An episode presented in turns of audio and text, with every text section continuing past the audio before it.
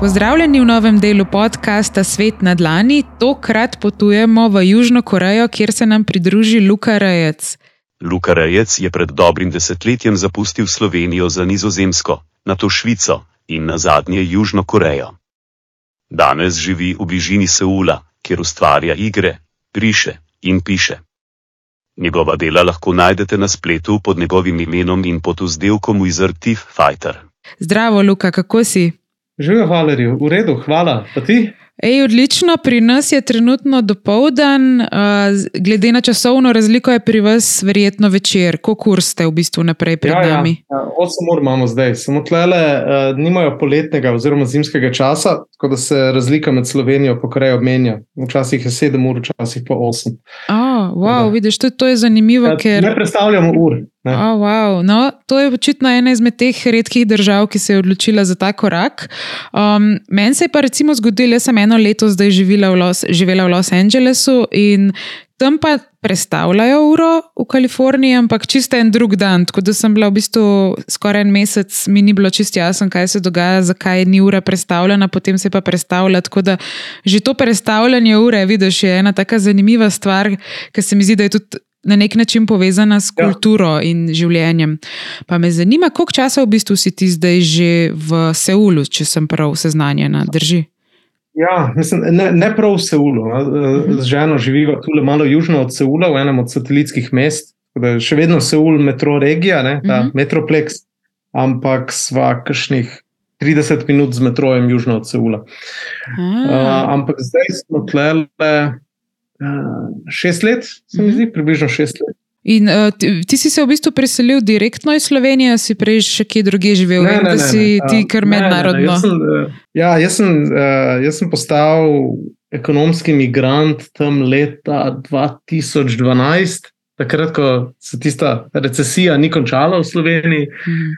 Uh, tako da sem 2012 sem šel na Nizozemsko, pol 2013 sem šel v Švico, tam sem potem kasneje spoznal mojo ženo in potem sva razmišljala, da bi šla v Anglijo, pol so glasovali za Brexit, pa so tisto gledali, pa sem rekel, to bo. To bo zapleteno, to bo Mhm. z, z birokracijo, bo sitno, pa vse. In potem me je žena pregori- pregovorila, da zakaj pa ne bi prav po Korejo, ker ona, ona je iz Južne Koreje. Mhm. In so potem prišla, so šla prvo v Busan za nekaj mesecev, ker sem imel nekako na, na tem bucket listu, da bi spet živel pri morju, Mhm. pa so šla tja. tako da Pol sem imel dosti morja po nekem času, ne. Hm. je bilo tudi zaradi službe treba iti potem v Seul, ker je pač malo, uh, malo več priložnosti, mm -hmm. sploh za, sploh za tujce. Tlele. Zdaj, uh, glede na to, da je Južna Koreja kar malce dlje kot Anglija, me najprej zanima, kaj so bili tisti največji kulturni šoki življenja izven Evropske unije, oziroma Evrope na splošno, bi lahko rekla. Ja, uf, um, hm, veliko jih je. Ne? Mhm. Kaj bi rekel, da je to največje?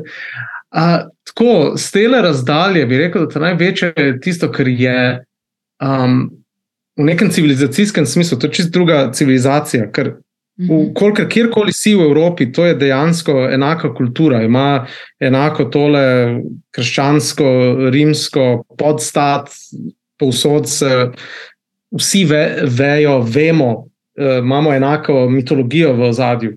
Grške mite, Biblijo, rimske zgodbe, cesarje da, in tako dalje. Vsi jeziki so sorodni, ker so vsi indoevropski, razen Mhm. mačari, pa in par drugih. Ne. In to je vse zelo, zelo podobno. Pol prideš sem, je pa kompletno drugačno, ker dejansko je ta vzhodnoazijska eh, centrirana na, eh, na kitajsko uh, civilizacijo, sfera in odkje pridejo uh, prispodobe, ki jih ljudje imajo, odkje pridejo ideje, kako so sestavljene, prihajajo iz drugega. Um, iz druge zgodovine, iz drugih uh, mitov in ozadij, in je bistveno bolj tuja država kot kjerkoli druga, ko sem, ko sem do zdaj živel. Ja, se to, to je meni recimo zanimivo, vprosti, ki te prekinjam. Recimo Ne, ne, v, v podkastu jaz gostim veliko slovencev, ki so se preselili v tujino in um, tudi sama zaradi svojega službenega, zaradi službenih obveznosti ogromno potujem. In sploh znotraj Evropske unije ko sem bila mlajša, se mi je zdelo že to, da greš vem, v Nemčijo, tako čist neki drugega. Ne? Ampak bolj, ko sem Ja. potovala yeah. po Evropi, bolj sem odkrivala res, da smo. Skoraj kot neka ena država, bi lahko rekla, in tisti pravi kulturni šoki, ki so na nek način bili šola življenja, za me so bili pa vsi izven evropskih meja. Tako da zato sem začela s tem vprašanjem, ker me v resnici zanima. Uh, vem, da se tudi rad ukvarjaš z zgodovino, malo sem pogledala um, tudi te tvoje ustvarjanje, ilustracije, vidim, da črpaš ogromno navdiha iz preteklosti. Se ti zdi, da v bistvu ravno ta zgodovina, kako je šla in cel razvoj, ki smo bili včasih dokaj nepovezani, nismo imeli toliko tehnologije kot zdaj. Mhm. Se ti zdi, da je to res vplivalo na neke odločitve, ki jih še zdaj v sodobnem času sprejemamo kot Ja, družba? absolutno. Mislim, globoka zgodovina oblikuje, kako se stvari odvijajo v vsakodnevnem življenju. To je, to je jasno. Mislim, če, A, mislim, no, um, hecno je bilo kar nedavno, ker recimo iz te neke, no, ko si omenjala, ne, ko sem šel na Nizozemsko, sem jaz tam se, eh, sem, um, se spoprijateljil z enim italijanom iz Bolonije, kjer sva oba na Nizozemskem, smo bila tam tudi soseda in smo ugotovila, da dejansko jaz kot slovenc iz eh, Tolmina, pa on kot italijan iz Bolonije. Da imamo enako kulturo napram tistim čudnim tujim nizozemcem, da je Mhm. čudni v navednicah. Ne, ampak Mhm. Jasno, so, so bolj drugačni so, uh, kot recimo primerjava, če si iz Primorske ali pa iz Italije. Ne. In, um, je bilo to kar, kar vidno. Potem, ko, ko greš pa še dlje, je, je potem tudi tale pogled od daleč zunaj, nazaj noter na Slovenijo, je nekako ta perspektiva drugačna. Mhm. In uh, sem li hotel narediti eno zelo slovensko potezo, namreč sem hotel spustiti ime nekega avtorja, ga citirati, reči o tem, kako zgodovino oblikuje. Ne? Mhm. In mi je li kapno, ker to je zelo, um, zelo tipična slovenska poteza. Um, to citiranje, pa se ponašanje s tem, koliko si prebral, pa koga, pa potem spuščanje imen v to v neko Mhm. diskusijo. In je pa hkrati, sem, sem nedavno uh, bral pa um, enega avstrijskega pisatelja, in zdaj pač točno to naredil, Cvajgla, uh, ki je pisal o um, življenju v, uh, v Dunaju, v eni svoji knjigi, o življenju na Dunaju pred Prvo svetovno vojno, kakšno je bilo. In mi je bilo šokantno, ko sem tisto bral. Ker sem tisto bral in sem videl, odkje se vlečejo značilnosti slovenskega vedenja, sploh slovenskega meščanskega vedenja, recimo v Ljubljani, ne, Mhm. ki je do neke mere drugačna kultura kot tiste, ki sem jo izvajen, ker pač nisem ljubljančan.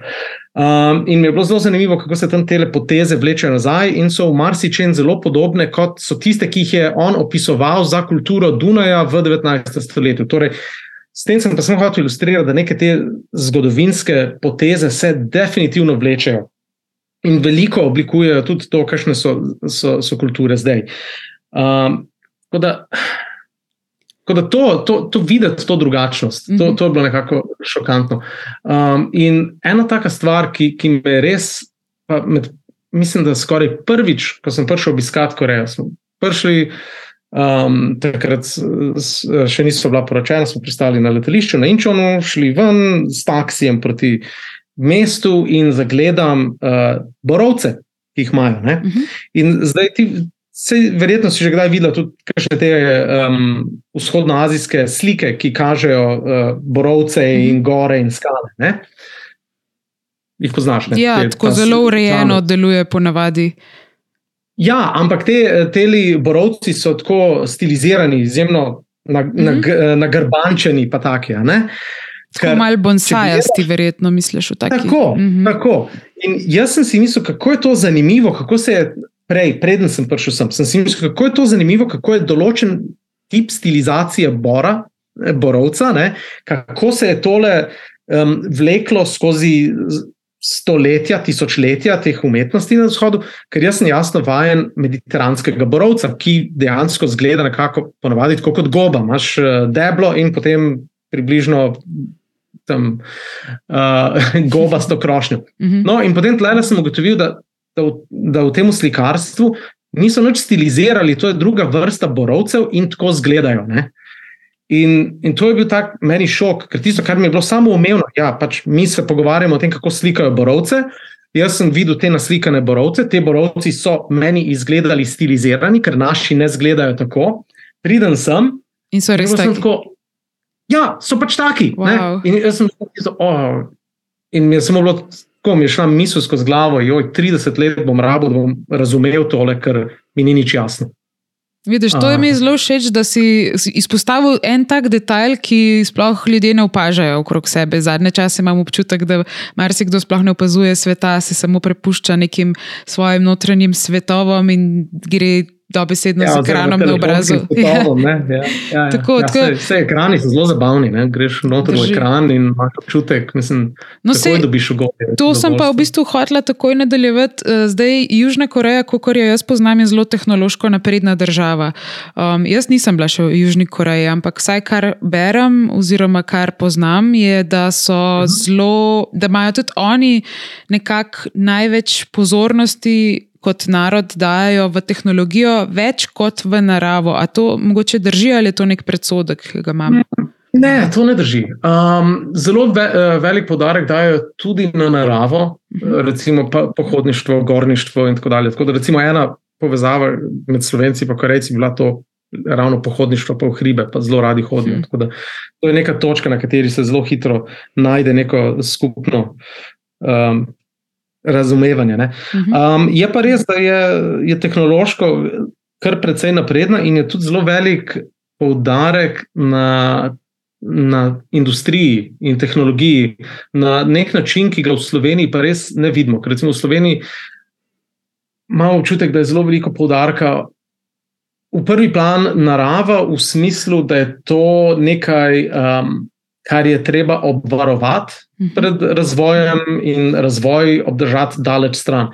Medtem ko v Južni Koreji, ugibam, da tudi, mislim, tudi zaradi gostote prebivalstva, ne, um, so posegi v naravo. K, uh, Jasno, kar obsežni in, in kar zelo vidni. Je pa potem zelo zanimivo, ker, um, no, recimo, ko, ko priletiš noter na letalu in če gledaš ven skozi okno in če preletiš Seul, zagledaš tele, uh, ta blokovska naselja, ne, ki, jih je, ki jih je polno. ko, mm. ko to vidiš iz, iz zraka, to, to je planja, pozidana planjava. Uh, in izgleda tisti prvi vtis oddaleč, ali pa, ali pa če kdo pogleda na Google Maps, pa pogledaš satelitsko sliko, ne, ko vidiš te stolpnice in to, ko so postavljene. Se, se ti zazdi nek tak občutek, da to je vse sintetično, umetno. Kar je pa potem zanimivo, ko prideš pa noter, v sama ta naselja, mnogo modernejša, je dejansko zaradi te uh, gostote infrastrukture in stavb, pomeni, da imaš zelo veliko zelenega prostora, mm. uh, v, uh, tako parkov, kot tudi um, recimo gozdov. In Mogoče ne toliko v strogem centru Seula, ampak v okolici, definitivno imaš ta mesta, ki so zelo gosta, z visokimi stolpnicami, in potem se stolpnice končajo, in potem je hrib, ki je cel prekrit z gozdom in pohodniškimi potmi. Wow. Tako da uh, je meni bilo zelo zanimivo, da ko sem prišel sem v Južno Korejo. Ko sem prišel iz Švice, da dejansko, čeprav sem živel v bolj urbanem okolju kot v Švici, sem lahko kot pešec lažje prišel do zelenih površin, do gozdov, do gora, kot pa tam. Wow, Tam mi je več časa vzelo, več sem se mogel potruditi, da sem prišel do, kako bi rekel, do narave. Pa ne bom rekel, da je neokrnjena, ker jasno, ko je toliko ljudi, jasno, ni neokrnjena. Ne? Ampak mm. je le uh, za, za slovenskega poslušalca, recimo. Uh, Rožnik ali pa šmarna gora, ne, ko greš in si med drevesi in v zelenem. Um, to je praktično v večini krajev, kjer sem živel v Južni Koreji, zelo dostopno, bolj kot marsikje druge po Evropi. Tako da bi v bistvu, če te prav razumem, bi lahko rekla, da so mesta nasplošno grajena pešcu prijazno, ali so avtomobili še vedno kralji ulic? Mm. So zelo pešcu prijazna, mislim, imajo veliko avtocest za avto, ampak infrastruktura je, uh, no, ur, urbanistika, mestno načrtovanje za moj občutek tle je na zelo visokem nivoju. Uh -huh. uh, v smislu, da ja, je veliko zelenih površin tudi v mestu, veliko pločnikov, peš poti. Um, in je pogosto tako urejeno, da imaš speljane peš poti tudi stran od cest, dejansko skozi blokovska naselja, na okolici grejo ceste, po sredinah uh, in speljano tudi z mostovi čez ceste, imaš pa te peš poti uh -huh. in se lahko kot pešec zelo izogneš uh, avtomobilskemu prometu ali pa kot kolesar. Uh, in je tudi zelo veliko javnega prevoza v uh, obliki avtobusov in uh, metrojev, kar pomeni, da je zelo enostavno potovati na okolje, lahko zelo, na zelo veliko krajev prideš brez No, avta. super. Kako je pa recimo je pa, to za javno? jav... Res, ne? Z avtom, uh. -huh. sorry, je pa tako, z avtom imaš pa potem tudi eno celo čisto drugo Južno Korejo, ki jo odkriješ. Tako da Hm. je pa tudi lepa izkušnja. Je oboje super imeti v bistvu. Ja, ne, pač, ampak tisto je pa tisto neko udobje, luksuz, ne, če mm. hočeš. Sorry, sem te prekinil. Ja, kako je pa, jaz um, se spomnim mojega zadnjega obiska Azije, sem bila na Kitajskem v Pekingu uh, in sem imela kar velik, velik izziv, v bistvu, ker je bilo vse večina no, napisan v pismenkah, jaz pa pač njih ne poznam. Uh -huh. Pa me zanima, kako se pa nekdo, ki pride v Korejo, pa pač ne zna korejskega jezika, kako recimo se da s, s javnim prevozom navigirati. Je to kar velik izziv ali nekako najdeš potem prave postaje? V mojih izkušnjah je kar enostavno, ker je veliko napisano v angleščini, večina eh, napisov na, večji, mislim, na, na vseh postajah, se mi zdi, je pač v korejš, korejski abecedi, pa uh, po angliško napisano. Uh, tudi na, uh, na podzemni, ko pride na postajo, uh, ti naznani postajo po korejsko in potem še po angliško. Ah. Uh, potem dobro je imeti uh, podatke na mobilnem telefonu, in ker brez tega si, si v težavah. Zelo hitro, ampak eh, zelo pomaga. Ampak potem, ko pa enkrat isto imaš, imaš določene aplikacije um, in so nekatere korejske tudi za prevajanje, ki zelo učinkovito prevedajo vse, tako da to, to potem ni nobenega problema. Uh, in tudi samo plačevanje za javni prevoz lahko ali z pač, telefonom, lahko, mm -hmm. ali pa s kreditno kartico, če imaš le, se pa da kupiti tudi tisto kartico, pa se naloži gor denar in se s tistim potuje. da Super. Kaj pa zelo- uh, te Google aplikacije, a so odprte, delajo WhatsApp, Google Maps, te zadeve, ali imajo tudi oni svoje sisteme? So, v bistvu? ampak niso, ni, niso to najboljše. Uh, Mm. mm. Tako da tlele imajo, uh, to, je eno uh, to je ena od držav, kjer Google pač pa to niso dominantni. Ma, Mm. Imaš uh, kakao, pa Naver. Um, Kakao. kakao, AVR, um, ki imajo tudi svoje zemljevide, delujejo precej dobro, so tudi eh, prevedeni v angleščino. Uh, potem kakao ima tudi aplikacijo Kakao Taxi, ki jo uporabljaš za taksi in za prevoz, pa za najemanje teh uh, električnih koles, pa skuterjev, pa tako.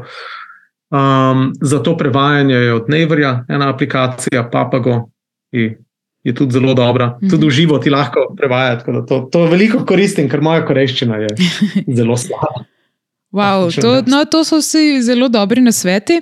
In zdaj moje vprašanje naslednje je v bistvu, Južna Koreja je ena izmed najhitreje, lahko bi rekla, razvijajočih se gospodarstev na svetu, a ne, ki je znana kot ena teh, um, kako se reče, azijskih tigrov. Ah, ne, to je bilo pred leti. Ja, To vse to, leti. kako pa je trenutno? Počasno, ne.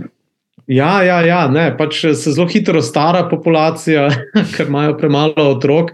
Gospodarstvo ne raste tako hitro, recimo 2% na leto, tako da ni, ni to več tako, kot je bilo v 90-ih ali pa zgodnih No, 2000. e, se to, zato me pa zanima, ali je to zelo draga država, mislim, za nekoga, ki je iz Slovenije. A, kako je ta razmerje plača pa življenje Um, hmm. kot povprečje, a ne neko? Ja, tako da se zelo, oziroma sorazmerno poceni skozi prid, ampak je v povprečju kar draga Mm. a, za slovenske. In, in sploh gre pa za to, eh, kaj, kaj pričakuješ, ker so, so cene so zelo drugačne za različne storitve, ker se tudi drugače tretirajo. Recimo v Sloveniji. Ena taka stvar je, recimo, kavarna. V Sloveniji kavarna je nekam, kar greš eh, po dozo kofeina in pa kaditi cigaret na terasi ne, in stane, ne vem, koliko je zdaj kava v Ljubljani. Ej, iskreno, zdaj le sem jaz po enem letu iz Amerike, se mi zdi ful pocen, ker tam je bila po 6 dolarjev, tukaj je pa tako, evro pa polno nekako. No, evo, ja, ja. Um, uh, tu je tako, malo odvisno, kam greš, ampak tudi imaš, imaš kavo, uh, Starbucks in takem stilu, so kavarne, mm. ker kavarne tretirajo kot um, uh, third space. In dejansko, ko greš ti v kavarno naročiti kavo ali pa čaj, ti s tistim denarjem, ki porabiš za tole kavo, si ti plačaš mizo in stol in si lahko tam par ur. sam, pa Mhm. počneš svoje stvari. To ljudje redno počnejo, grejo brati knjige v kavarne, se dobiti s prijatelji, igrati na mizne igre ali pa delati na računalniku ali karkoli. Ne. Tako da ti dejansko najemaš mizo in stol, bolj kot plačuješ kavo. Uh, tako da v tem smislu hočem reči, da ta primerjava ne, ni čisto ena na ena, ker v Sloveniji ti greš v kavarno zato, da dobiš tisto dozo Mm. kofeina, pa pol urce z nekom, in če, po, če si po pol ure še vedno tam, naročiš še eno kavo. Kar pa se ne, ne moreš pretvoriti direktno pa na tisto, ko Starbucks stil, ko dobiš pa pol litra mleka z kofeinom noter. To je pa Za, podobno kot v Ameriki, bi lahko primerjala. Dejansko imajo tudi tam ta najem mize, v bistvu delovne mize ali pa sestanek pač ob mizi, ki je kar dolg lahko. Ja, ja, ja, ja tako. Uh, ampak so, so uh, potem, recimo, tudi uh, ko gre za prehrano. Po mojem, jaz bi rekel, da so cene restauracij tle presenetljivo nizke Hm. um, za, za kvaliteto hrane, ki jo dobiš, in, in se da zelo dobro jesti. Po drugi strani pa, recimo, trgovine, če greš eh, kupovati, uh, podobno kot na japonskem, no, tudi uh, sadje in podobno je zelo drago, mlečni izdelki so zelo dragi. Tako da uh, tisto je bistveno draže, nekatere druge stvari so pa zelo bolj poceni. Tako da, če, tako da to je bil pa nek šok. Pa pred leti sem bil v Ljubljani in sem vedel, da je nova korejska restauracija in da imajo kimpap. In ko to, a poznaš kimpap? Ne, v bistvu sem te hotela še v teh stvarih malo vprašati, če, po, če poveš, kaj je tako, kaj je zelo popularno, ja. kaj se je. Vem, da jaz poznam samo korejski barbecue od ja, tisto je popularno. Ja, popularnih zadev. Ja. Ja, no, ta, tale kimpap je tak, um, taka osnovna jed za, za malico, uh, ko imaš tisti kvadrat iz alg, ko- ga rolajo za delati suši tudi. Uh -huh. In eh, dajo gor riž, pa dajo noter razne zelenjave, pa, pa nekaj mesa, pa naredijo ko eno rolado in narež, narežejo na kolutke. Uh -huh. In tale reč sem, sem jo videl v Ljubljani, je bila v korejski restavraciji 7 evrov po pol. To sem bil kar šokiran, ker to je taka stvar, ki jo lahko imaš tlele za, za malce, in stane pa po 2 evra. Ne. A, kot nek sendvič v bistvu. Ja, ja, tako variante. Ja. Uh -huh. Um, Medtem ko eh, po drugi strani, kaj še stvari, ki so pa bolj evropske, ne pridejo po zelo više cene, tako da je tak zelo razkorak. Um, pa jedi. Um, ena stvar, ki je zelo drugačna, je, da restauracije tle so ponavadi zelo bolj specializirane kot v Evropi. Torej, imaš ti restauracijo, ki dela hobotnico na žaru, imaš ti restauracijo, ki dela uh, ribjo juho, imaš ti restauracijo, ki dela um, samo jegulje, ne? imaš ti restauracijo, ki dela samo piščanca s pivom in tako dalje. Pa se moraš v bistvu že A. naprej za meni odločiti, kaj želiš jesti. Ja, ja, ti se odločiš tega. za meni in Mhm. potem greš v restauracijo, ki je za to specializirana. Mm, saj To in, se sliši dobro. Ja, mislim, posledično pomeni, da te restauracije, ki ponovadi delajo samo en meni, so zelo izurjene Mhm. in uh, zelo dobro to, to pripravijo. Tako da se, se da kar, kar v redu. Uh, tlele Potem to. večina domnevam, da jeste zunaj ali si kuhate sami. Uh, no, zdaj, ko imamo uh, otroka, malo, Mhm. več, uh, malo več doma. Ne? Ampak uh, drugače, ja, potem kar veliko ješ zunaj, ker, um, ker uh, v korejski restauraciji tipično je, da ti plačaš za glavno jed, recimo meso. Ne? Za, za korejski barbecue ti plačaš meso, plačaš recimo 150 gramov mesa.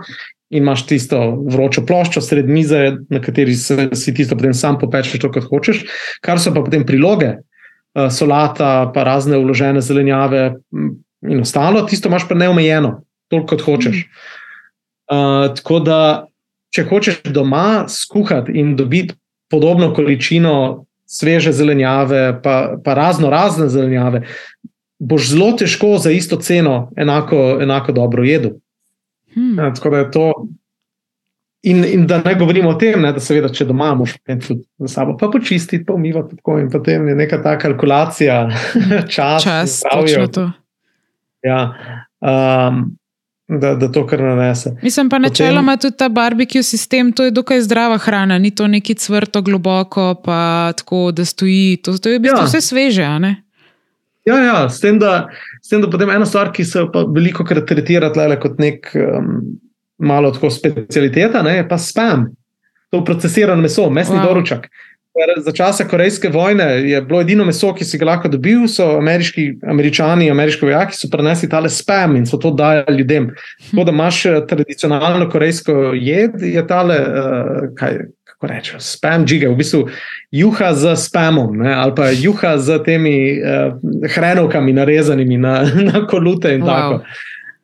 No, ja, tukaj je še en dokaz, kako neka taka zgodovinska zadeva, ki je bila pač posledica vojne takrat, vpliva potem očitno še na druge generacije in naprej na razvoj ja, ja, ja, to, to, tradicionalne to, ja. hrane. Ja. Kaj pa recimo um, zdaj, jaz tako malo sem omenila, da bom govorila s tabo, ki si iz Južne Koreje. Najbolj stereotipno za nekoga, ki ne pozna to kazije, me najprej vedno ljudje vprašajo, kadarkoli sem kaj omenjala Korejo. A je to tista Koreja, ki je zaprta ali odprta, ki pač menjajo, da ne severno, pa južno Korejo. Pa me ja. malo zanima, čistko nasplošno, glede na to, da so sosedi malenkost drugačni, severno Korejci. Kako imaš ti, ko živiš tam, sploh razmišljanje o tem, kako tudi Južnokorejci doživljajo svoje sosede, a se s tem sploh ukvarjajo, razmišljajo o tem, kako se pač ta. Ja, veliko. Mislim, Severna, Severna mm. Koreja um, stalno grozi. Ne? Oni pravijo, da Južna Koreja da nima pravice obstajati, da to mm je. Um, da to je kako bi rekli, izmeček, kapitalistični uh, cucek američanov, da oni bodo Južno Korejo um, osvojili in ponovno združili Korejo v edino pravo Korejo, kar so oni. Um, redno, um, vsakič, ko testirajo kakšno novo raketo ali pa jedrsko bombo, pa, pa grozijo.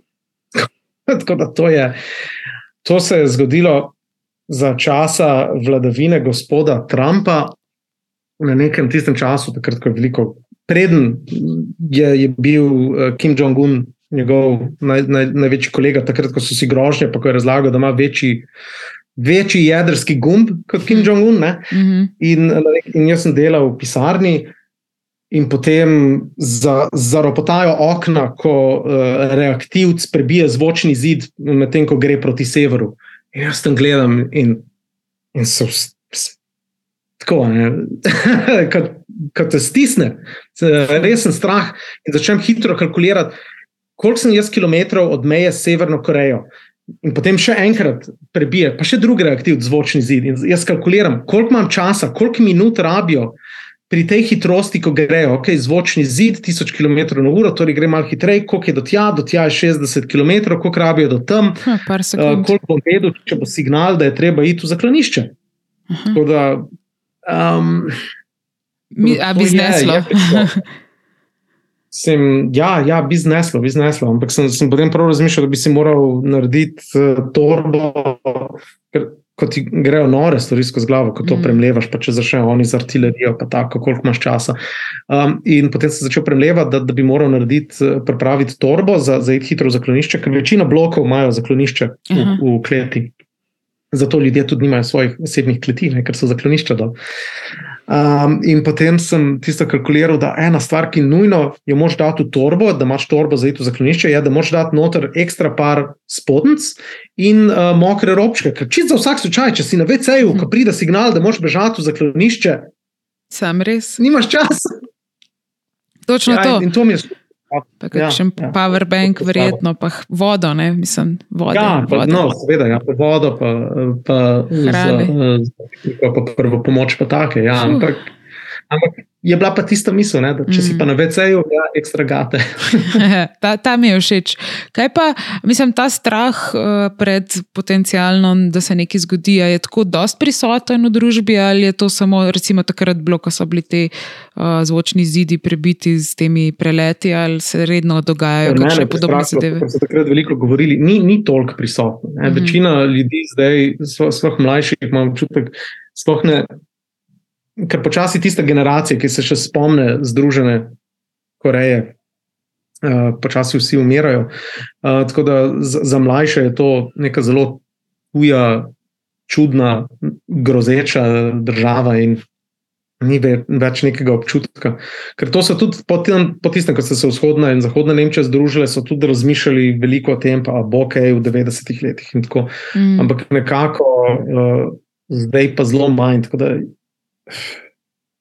Je, je prisotno neko nelagodje, nek, nek strah, skrb. Mm. Ampak večinoma je pa treba ne, za, za vsak dan življenje naprej. Verjetno domnevam, da tudi ne potekajo neki. Gospodarsko sodelovanje no, med državama, da ne, se ni, kar izogibajo. Ni, ne, ne, ne. Zdaj, zdaj zadnje čase so spet um, uh, pač z raketami grozili, pa mm. Uh, ene satelite poslali za, um, za opazovanje za špioniranje. Tako da se, se je to zamrznilo sodelovanje, mm -hmm. mislim, da vroče linije med Severno in Južno Korejo, zdaj spet prekinjene in zdaj Severno-Korejci obnavljajo utrdbe na, na meji, na tem mm -hmm. DMZ-ju, Militarized Zone, tako da zdaj bodo tudi Južno-Korejci. To je v ja, bistvu ni, fizična ni. meja na kopnem, ne ta, da ja, se reče slovensko. Je, Demilitarizirana cona, nekaj takega. Ja, demilitarizirana cona. Uh -huh. ja. Mhm. to, to teče par kilometrov široko, imaš um, pač, uh, ta cona, kjer ni nikogar, ne, imaš uh -huh. na obeh straneh uh, potem to bodečo žico. Še tam v 80-ih, pa mislim, da tudi v 90-ih so Severno-Korejci občasno rovarili tunele skozi, da so poslali mhm. ljudi skozi, da so izvajali atentate ali pa ugrabljali ljudi. Oni so tudi eh, z podmornicami, pa so šli na Japonsko, pa so ugrabili ljudi, pa jih odvlek, mhm. odvlekli v Severno Korejo, pa iz Južne Koreje. Pa tudi eh, vsake toliko streljajo. Pred nekaj leti so z artilerijo ene par uh, južnokorejskih ribičev ubili. To mi je čist nerealno, ampak tako zanimivo. No? Mislim, da se trenutno po svetu se odvijajo tudi številne vojne, še vedno ljudje, ja, smo si največji sovražniki. Ljudje so zdaj udeleženi tudi v vojni v Evropi. Oni, mm. zala, oni prodajajo um, municijo Rusom, zato mm. da lahko Rusi izvajajo svojo. Um, svojo zgodbo, tako rečemo. Mislim, ne svojo zgodbo, mislim, svoj, svoj zločin, ne, svoje, mm. svoje imperialistične sanje nad, yeah. Ja. nad Ukrajinci. Ja, tako da, tako da smo, smo udeleženi v to. Imate, se... imate blizu to mejo. Zdaj, zašla smo v take tematike, ki so kar težke, ampak če se malenkost na bolj lahkotno tematiko dotaknem.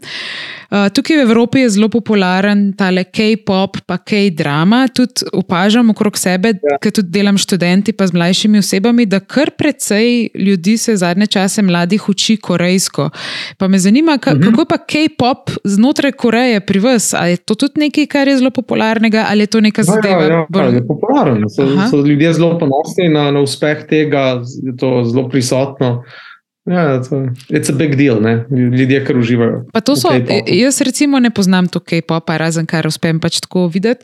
Uh, to so prav tako tudi reality šovi, oziroma kako bi sploh nekomu predstavil ne, K-pop. Ne, to, so, um, to so večinoma glasbene skupine, ki potem, seveda, tudi uh, imajo nastope, imajo tudi šove, imaš. Uh, uh, intervjuje z njimi na, na YouTubu, pa na TV. Tako, ampak, um, Verjetno tudi uh, spletna glasbena scena.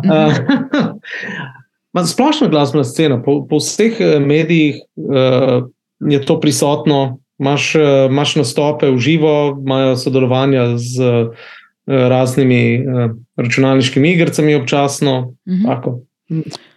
No, na vseh področjih. Tukaj ja. se pa malo dotaknemo tega, kar tudi ti ustvarjaš. Ti si se pravi ilustrator, razvijalec iger, grafik, tako če nekako povzamem.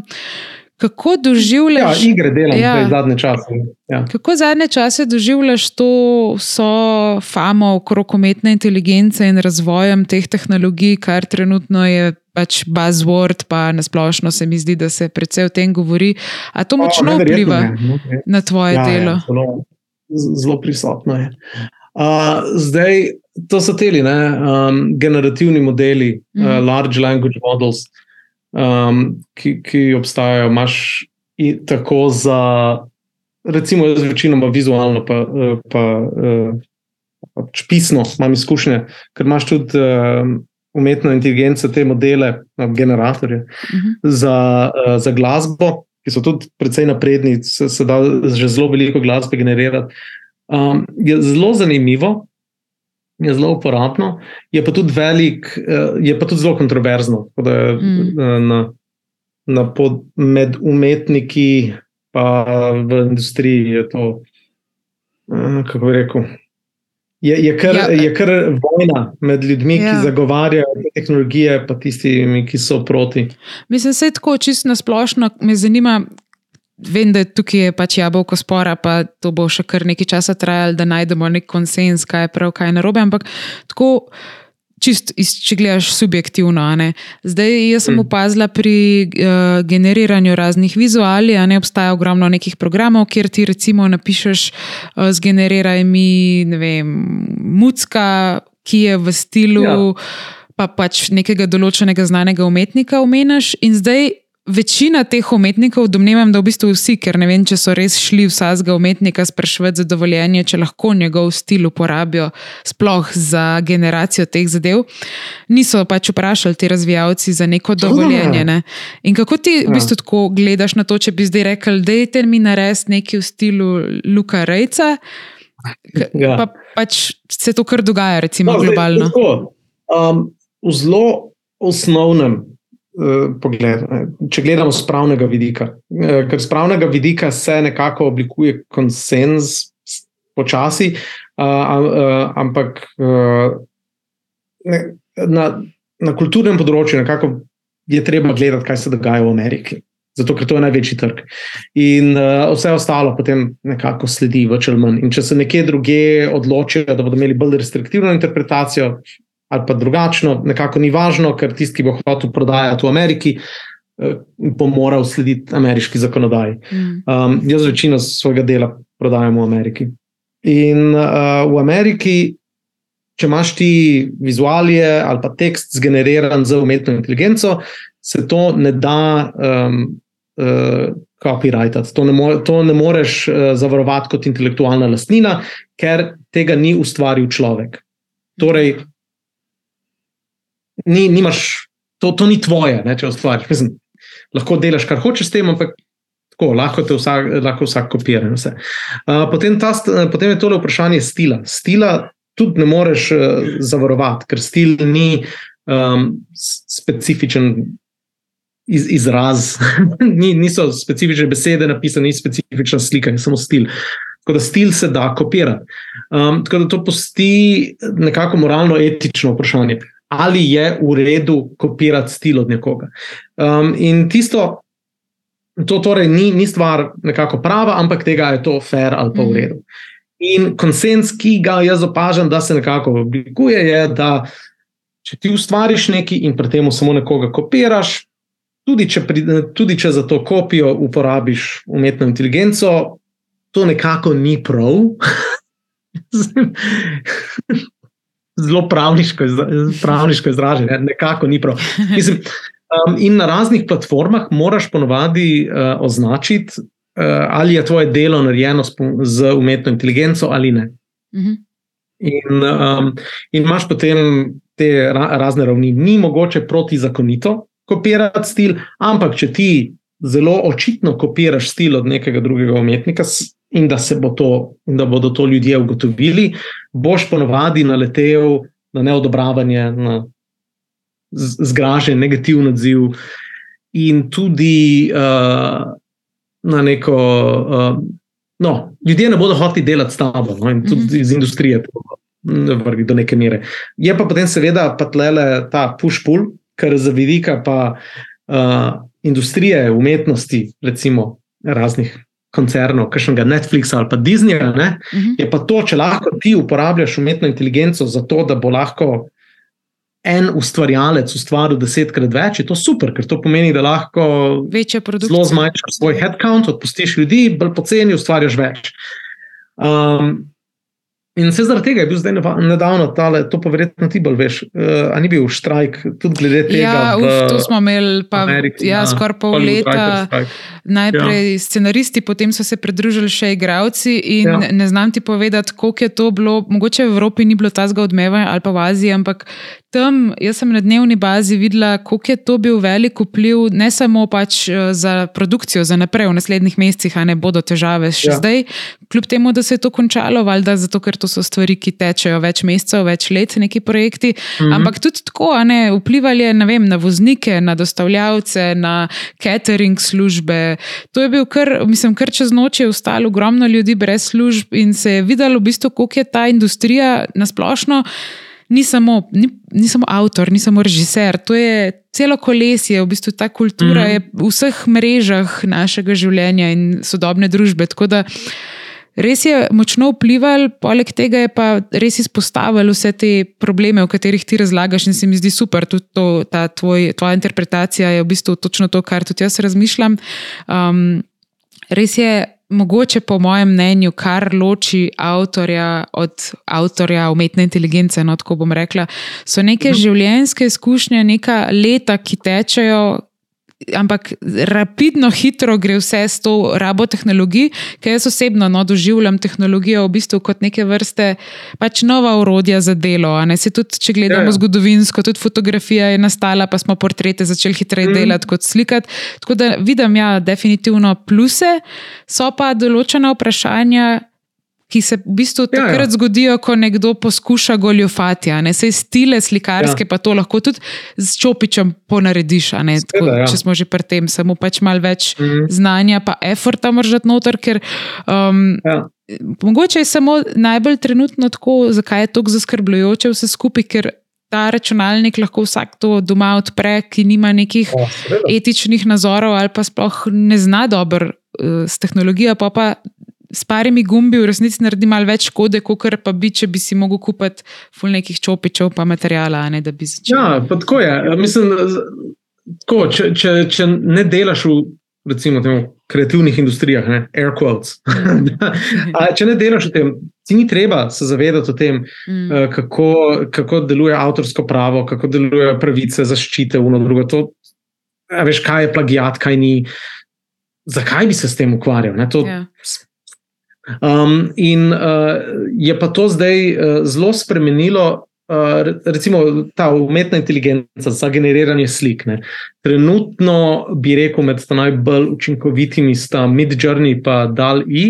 Um, Um, s tem, da Dali je zelo napredoval, nedavno ta je tale od te družbe OpenAI, ko ima tudi ta chat GPT in je zdaj tudi integriran noter in se, se lažje da z njim komunicirati. Ali pa Adobe Photoshop, ne? ima zdaj generativni AI noter v Photoshopu, da lahko ti tudi generiraš tam. Um, in že na tej točki je en, en cel segment uh, umetnikov skoraj kompletno obdelo. Ker namreč so, so bili ljudje, ki so delali uh, slikce, uh, avatarje za ljudi na internetu in tako. In so potem to računali po vem, 15 mhm. dolarjev, 20 dolarjev, tisti, ki so bili bolj znani, 50 dolarjev, da ti naredijo na, na roko narisanega avatarja, veš, da je točno tvoj lik. Mm -hmm. to, in to so ljudje pač. Od tega živeli, ker si, so bili poznani in v določenih skupnostih, in so ljudje pri njih naročili. In to je že, ta segment je že lani, ko je Mid Journey bil še verzijo in pol starejši kot je zdaj, in slabši kot je zdaj, uh, so, so bili ob 80 odstotkov dohodka. Uh mhm. -huh. Tako da mnogi so to nehali delati, so si poiskali druge službe, in mislim, da to je zdaj skoraj kompletno kolapsiralo. Um, te, te niše uh, umetnikov ni več, s tem se ne da več preživljati.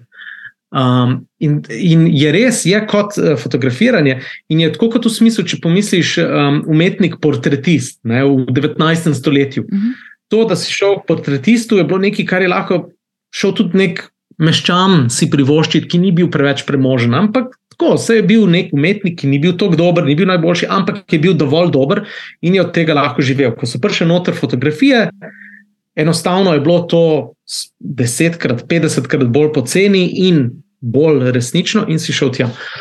Um, tako, da, tako da so že zelo vidne posledice tega. Uh, kjer je meni tudi zelo zanimivo, ker jaz tudi um, se malo ukvarjam s tem. Za, uh, torej, zanimivo je uporabljati tudi te. Uh, pisne umetne inteligence, naprimer imaš uh, Cloud, uh, Cloud ali pa tale CLAUD ali pa tale od OpenAI, ChatGPT, pa zdaj je nov model uh, prišel od uh, Google, Gemini. Mhm, um, sem sem slišala, ja, da je kar dober. Ja, in so zanimivi za uporabljati kot neke vrste asistenta, kjer lahko daš ti določeno idejo, poprašaš, kako se sliši, pa da jim jo malo obrni, pa predlagi kaj alternativnega, ali pa tudi nekaj tako banalnega, da, da ga uporabiš um, na mesto urednika. Torej, ti poveš umetni inteligenci, jaz imam to ciljno publiko, hočem, da, da gre malo v tako smer. Poglej moj tekst, ki sem ga napisal, priporoči mi, kako bi to lahko popravil. In uh, recimo za moje delo bi rekel, uh, da spet podobno kot tisto z umetnostjo. Ne? Uh, neki uredniki um, za besedila, ki niso izjemno dobri, ki so nekaj srednjega ranga, ki jih v, v mnogih uh, kreativnih panogah jih seveda rabiš. A, ampak ni, ni pa to toliko pomembno. In je ž, uh, zdaj že na tej točki ta umetna inteligenca tako sposobna, da lahko nadomestiš navadnega urednika, ali v veliki meri, ali pa urednika za. Če pomisliš na, na, na kakšen spletni medij, kjer je cilj predvsem to, da bodo zgodbe znosne, dovolj dobre, predvsem je pa to, da, da je clickbait, pa da grejo ljudje mm. gledati, da bodo njihova zrkla usrkavala oglase in boš ti od tega ne, eh, farmal njihovo pozornost. In za, za takšne stvari, mislim, to, to ne vidim več. Um, Službe za urednika, če veš. No, ja, to, to, to je meni fascinantno, fascinantno, ker um, Ves čas, tako v mojem otroštvu ali pa najstništvu, sem poslušala razne te teorije zarote oziroma sci-fi predikcije, da bojo roboti uh mhm. -huh. recimo prevzeli neke službe ljudi. Ampak če tako razmišljam, zdaj niti pomislila nisem, da v resnici bojo te umetne, umetni sistemi, kot rečemo umetni inteligenci, ja. da bojo pa najprej prevzeli take kreativne službe na nek način. Ne? Uh mhm. -huh. tako, roboti še zdaleč niso tako razviti, kot so ti virtualni asistenti. Recimo, tako da mal ja, mi je tudi ja. ta. Čist eh, razmišljanje o tehnologiji se mi je malo obrnil, in mislim, da je tudi to morda tisto, kar malo straši ljudi, ko omenjam sodobno tehnologijo. Ja, ja, je velik. Ker je mm. tak velik shift v tem, kaj je uh mhm. -huh. nekaj, kar, zdaj bom malo rekla, tako grozi človeštvu, čeprav mislim, še vedno smo tukaj, mislim, da bomo še kar ja, dolgo, ampak ja. moramo pač najti vse te različne poti, kako pač živeti s tem. Mogoče čistko, če se mal spet na Južno Korejo osredotočam. Jaz imam nek tak stereotipen pogled na Azijo, v smislu, da je zelo močna tudi v šolstvu imam občutek, da so zelo tekmovalni, zelo delajo na tem, da pač eh, karijera na prvem mestu. A je to morda mm. tista posledica, zakaj potem tudi eh, rodnost manjša, pa kako ja. vidiš to, ta vpliv ja, karijere? Ja, ja, preveč je, preveč je. Ne, grozno je. Grozno. Mislim, glede tega, eh, kako mnogi. Tretirajo svoje otroke, kako jih mhm. -huh. gonijo, terajo skozi te sisteme akademije, uh, vaditi, vaditi, vaditi od zgor, zgodnih let. To je, to je neverjetno in to definitivno kr, um, je, je vpliv. Ker veliko krat tudi starši vidijo, kako je otroku neprijetno, pri tem jim potem nočejo več imeti otrok. Ali pa otroci, ki so šli skozi to in so potem odrasli, pa si mislijo, jaz nočem svojega otroka v tole spraviti. Ampak, ali se lahko je... izogneš v taki družbi sploh temu? Da bi silil, recimo, otroka v kariero, mislim, silil, da bi pač dal na prvo mesto to, da ga res upišeš na ja, vse možne aktivnosti. Se grejo v Ameriko, da se otrok tam rodi, da ima ameriško državljanstvo. To je velik biznis. Ko ljudje šparajo za to, da pošljajo svoje žene v Ameriko, da se otrok tam rodi in je potem ameriški državljan, da bo lahko tam, da se lahko temu izogne. A res, kaj? Wow. Ja, ja, ja. Ja, ja, tu imaš prav agencije, ki so prav za to specializirane, tale birthright tourism. To je, Ja, ja. Wow. No, to, to je pa še nekaj, kar nisem vedela. Čisto zdaj pa malo osebno, ti si trenutno mladi očka, zelo mladi, uh mhm. -huh. mladi dojenčici. Kako pa sta vidva o tem razmišljala, kaj razmišljata, kako pač naprej, verjetno se to začne takrat z vstopom v neko osnovno šolo, domnevam, ta borba ne, za kariero. To se začne z vrtcem. Pri treh, štirih O, letih. ok, povej mi več, prosim. Ne, tle, tle, tle, tle začnejo nekateri, začnejo s temi akademijami in vajami, ja, ja, ko, imajo, um, ko imajo pripravljalno akademijo za otroka pripraviti, vrtec. da bo lahko šel v prestižni vrtec, da bo iz prestižnega vrtca lahko šel v prestižno osnovno šolo, da bo iz Oh. prestižne osnovne šole v prestižno srednjo, da bo lahko šel na dobro fakulteto, da bo lahko doktor. Wow. In začnejo in imajo otroke, da pri štirih letih starosti za mize, pa eh, veš, da, da se jih tam dresirajo, da bodo kot dvojezični, da bodo angliščino lahko obvladali. Oh, wow. To je. Se ne vsi, ne, ampak bolj kot so nekako mnogi, bolj kot so uspešni in premožni, bolj to silijo. Tako da, ja, se, se o tem. A pa to dejansko se v pol kaže kaj v zelo visokih plačah, ali zakaj sploh je taka želja po karieri?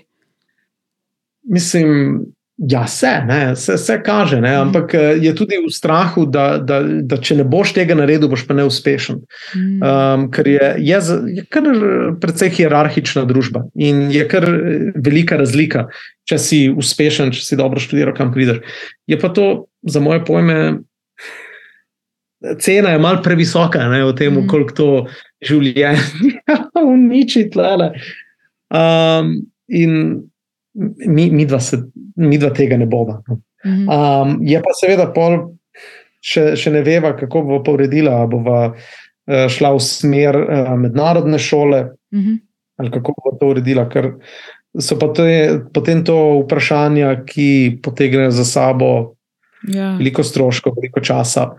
In ni, ni zelo enostavnih odgovorov. No, to je spet ena taka no, evo, lej, Mhm. razlika s Slovenijo. Ne, ker če imaš otroka v Sloveniji, bo otrok šel pač v tisto šolo, ko je tam, več ali manj.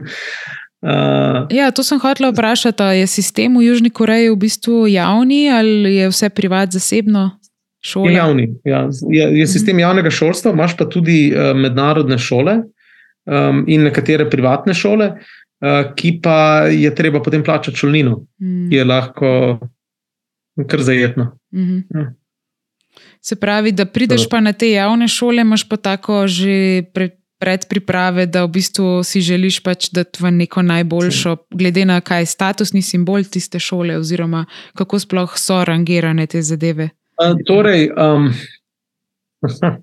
rangirane. Uh, torej, ob zaključku, uh, uh, no, šole so rangirane glede na to, um, kakšne rezultate dobijo otroci na zaključnih izpitih.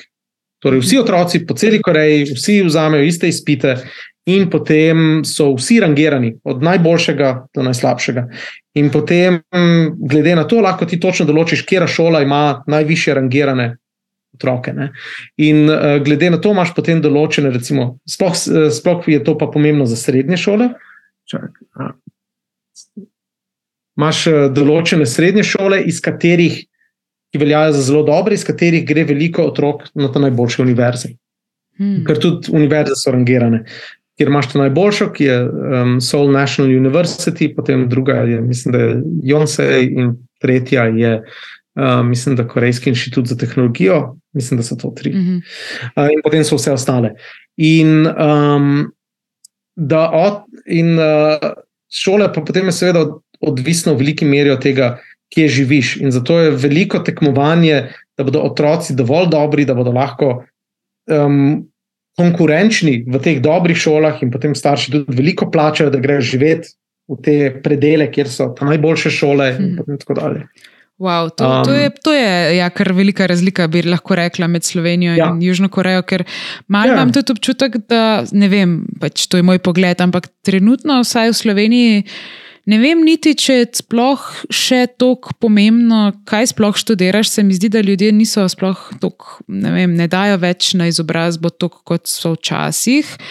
Um, jaz sem to opazila, ker sem zdaj v Los Angelesu bila eno leto in tam tudi še vedno je ta zelo močna pripadnost univerzam, pa potem dajo ogromno na to, iz kje so, kaj točno so študirali. Mm. Za razliko od Slovenije, tukaj pa nimam tega občutka, kar je mogoče lahko celo malo slabo, bi rekla, ker vseeno je izobrazba dokaj pomemben element Ja. družbeno. Tako da vidim pa, da je drugi Ja. ekstrem očitno v Južni Koreji, kjer je pa to še toliko bolj pomembno. Ja, tlele, v Južni Koreji, če si recimo šel študirati na ta najboljšo univerzo, um, boš skoraj garantirano dobil službo v teh boljših firmah, in dobesedno banke ti bodo dale boljše posojila. Ti boš imel mhm. boljšo kreditno oceno, takoj ko diplomiraš. Ti si, ti si perspektiven, ti si elita, ker si uspel priti na ta najtežji program no, in ga opraviti. Zanimivo. Zdaj, kako pa, e, čisto, ko si ti se preselil v Južno Korejo, kako pa do tujcev gledajo v bistvu Korejci? Uh, so te v redu sprejeli? Načeloma so, ja, so, so zelo prijazni. Um, je, je težko čisto priti zraven, ker je zelo drugačna kultura. Načeloma zelo prijazni, ampak ostaneš pa tujec. Uh, zgledaš drugačen in tudi ko so prijazni do tebe, si, si, si tujec, ker pač delno je tudi potem jezikovna barijera in to. Tem, da to vse spremenja. Uh, se pravi, znanje angleščine je sicer dobrodošlo, ni pa edina varianta, kako. Je zelo bistvo... dobrodošlo. Vsi Korejci veliko investirajo v to, da bi se naučili angleščino, hmm. in mnogi Korejci zelo slabo znajo angleščino. hmm. Tako da se ne moreš ja. zanašati samo na angleščino, rabiš te prevajalnike. Vse se da znajti drugače, ali pa da imaš sabo zemljevid, pa pokažeš, pa tja, pa to, ampak ja, prevajalnik rabiš. Ja. Kaj pa kot tujec, da lahko dobiš službo, je mogoče to zelo težko, oziroma ali so tukaj odprti? Ja, za, za, za to je pa še vedno težko, ker je, je kultura zelo drugačna. Um, delovna kultura je lahko tudi zelo naporna. Spet, vse to se zelo hitro spremenja, ampak tradicionalno delovna kultura tle je bila zelo, spet zelo hierarhična, zelo podvržena temu, da moraš zelo dolge ure delati, da pokažeš svojo lojalnost. Mm. Um, je bilo zelo pričakovano, da recimo po delu eh, bo zaposleni šel za svojim šefom, potem še pit na to službeno pitje, veliko krat tedna. Uh, in, um, in je to za, za nekoga, ki je recimo vajen evropskega stila dela, to ne bi priporočal. Ne. Um, je mogoče, mislim, je do, je do neke mere drugače zdaj za start-upi, pa z novejšimi mm -hmm. firmami, pa se vse kultura se spremenja. Um, in jo tudi morajo spremenjati, ker se zdaj trudijo. Včasih, mogoče malo prepozno, privabiti več um, priseljencev, da bi več ljudi prišlo sem tudi delati. Uh, je, pa, je pa zelo drugačno. Ne. Se pravi, bi lahko rekel, da je mogoče tudi Južna Koreja neka država priložnosti za nekoga, ki razmišlja o kakšni selitvi v Azijo? Bi rekel, da bi lahko bila, no? ker je veliko stvari tle zelo v redu. Pač infrastruktura je dobra, va, zelo varno je, kriminal je zelo malo. Tako zelo banalno, ampak ko si v telih kavarnah, ko smo se pogovarjali, tle lahko greš, delaš v kavarni in potem moraš iti na WC, pustiš telefon in računalnik in denarnico na mizi in greš na WC in te bo vse tam pričakalo. Uh, ja, to je pa uh, super. Sva s kolegom šla uh, teč, mu je padla denarnica, on panika, da bo mogel preklicati vse kartice. Ga pokličajo iz, na telefon, ga pokličajo iz policije, da je nekdo prenesel njegovo denarnico. Ker pač v 15 minutah je izginila, ne? zato ker jo je nekdo tako hitro našel in nesel na policijo. Oh, wow. No, zelo ja. imam rada take države, so pa zelo redke na tem svetu, ki še neko ja. poštenost cenijo. Uh, Luka, preden se posloviva, ura je hitro minila.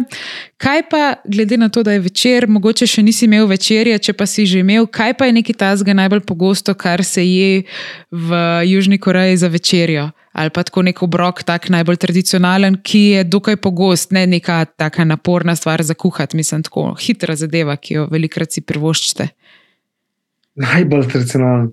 Mislim, jaz, jaz si naredim vsak dan. jaz, jaz si naredim vse, misli svoje osebne kosmiče, pa si zmešal. Se pravi, vseni kosmiči iz Ljubljane do Južne no. Koreje. Je, ja, ja. Ja, ampak, ampak no, za, za korejsko hrano pa, pa ponovadi jim.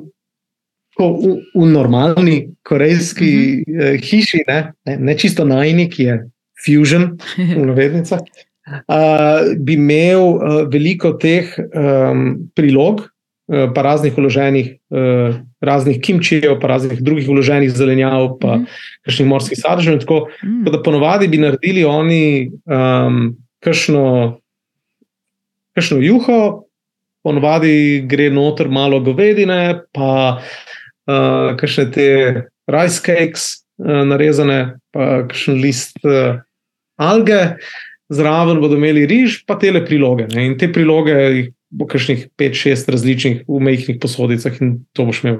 Ja, meni, meni je fully všeč ta sistem, da imaš v bistvu ve, velike zbire, pa vsega tako pomala, ja. ne, da ni zdaj tam ja, ja, in, in, gigantski. In vsak grižljaj je drugačen, kot si kombiniraš. Ja. Mm, no to, A, to še ena stvar, ki je zelo tipična, kar tle delajo in te rečejo sam. Uh, je, da z solato, da vzamejo list solate in uh, zavijajo v solato tisto, kar bodo pojedli. Naprimer, ko imaš tale korejski barbecue, ne, imaš ti Mhm. list solate, daš noter malo riža, pa daš noter malo mesa, zavijaš v solato in tisto poješ. In Uh. to, pa zdaj za, za nas, slovence, ne, jaz sem ugotovil, da oh, to je pa odlično, ker delati solato v slovenskem stilu mi je vedno šlo na živce, ker moš vzeti veliko skledo, noter vse narezati, zmiksati vse skupaj, potem malo sem neroden, zraven vse leti mimo. Ne, Mhm. in, in pol se poje solato, in pa je treba tisto veliko skledo čistiti, to mi šlo vedno na živce, ker spet umivalnik ni nikoli dovolj velik. In pol tisto, a imam, veli- a imam veliko posodo, da zlahka naredim solato, ali pa imam tam mehko in moram pomivati po pult.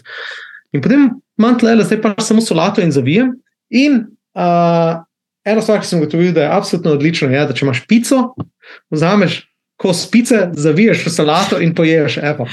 Ej, to se mi zdi super, pa tudi nasplošno bi svetovala tako ljudem, ki ne vejo točno, kaj, kako si dati hrano, a ne tudi za sabo, če si spakiraš. Ja. Veliko ljudi potem zavijajo razne tortilje, pa kruhe, pa te mokaste zadeve, in mogoče pa bi bilo smiselno malo večkrat pomisliti na to solato in bi tudi eh, malo kalorično zmanjšali obroke in se mi zdi tako bolj zdravo, no, nasplošno. Ta Ja. ideja, to bom še jaz uporabljala, tako da res hvala, da si to delil. Um, še za konec bi te vprašala, kje lahko pogledajo si poslušalci, mogoče kakšne tvoje izdelke, najdejo uh, tvoje igre, ilustracije in grafike. Pa najlažje bo verjetno na Instagramu. Mhm. Imam uh, profil pod imenom Wizard Thief Fighter, um, ali pa na drugih spletnih No. portalih, ali pa da se pogledajo moje ime, Luka Rejec. Bom, bom tudi tole vse polinkala, tako da, Luka, najlepša Ja. hvala. Želim ti lep večer in lep ja, hvala na vzhod. tebi. Enako, uh, pa lep pozdrav na zahod.